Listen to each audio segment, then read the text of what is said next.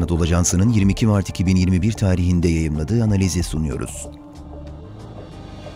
Yunanistan'la Güney Kıbrıs Rum yönetiminin Doğu Akdeniz'deki hesapları başarısızlığa mahkum. Yazanlar Hacı Mehmet Boyraz ve Onur Balcı. Seslendiren Halil İbrahim Ciğer. Son yıllarda Türk dış politikasının ve uluslararası siyasi gündeminin ilk sıralarında yer alan Doğu Akdeniz'de Türkiye ve Mısır arasında başlayan normalleşme adımları Güney Kıbrıs Rum yönetimi GKRY açısından ciddi endişelere sebep oldu. Zira bir süredir Ankara'nın Atina, Kahire ve Tel Aviv ile gergin ilişkilerini fırsat olarak değerlendiren Rum yönetimi, siyasi hamisi konumundaki Yunanistan'la birlikte hareket ederek Türkiye'yi Doğu Akdeniz'de yalnız bırakmaya ve etkisiz hale getirmeye çalışıyordu. Ancak Ankara-Kahire arasındaki diplomatik görüşmelerin başladığının açıklanmasıyla beraber küçük bir ülke olarak GKRY'nin son yıllarda Doğu Akdeniz'e yönelik izlediği ihtiraslı politikaların kritik bir çıkmaza girdiği söylenebilir. GKRY neden Türkiye karşıtı bir strateji izliyor?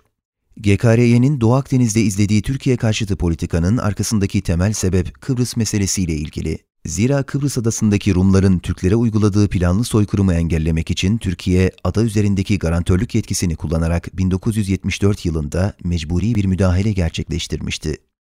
O günden beri Kıbrıs, coğrafi olarak kuzey-güney ekseninde Türkler ve Rumlar arasında ikiye bölünmüş vaziyette.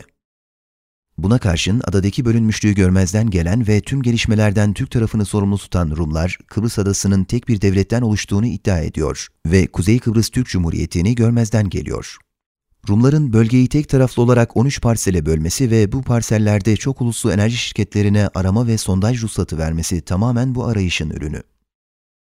Türkiye'nin masadaki ve sahadaki kararlı duruşu, GKRY'nin Yunanistan başta olmak üzere bölgedeki bazı devletlerle ve çok uluslu enerji şirketleriyle bölgede oluşturmaya çalıştığı ittifak girişimlerine karşı Türkiye'de kendi ulusal menfaatlerini korumak adına gerek masadaki diplomatik adımlarla gerekse sahadaki askeri varlığıyla aktif bir siyaseti izliyor.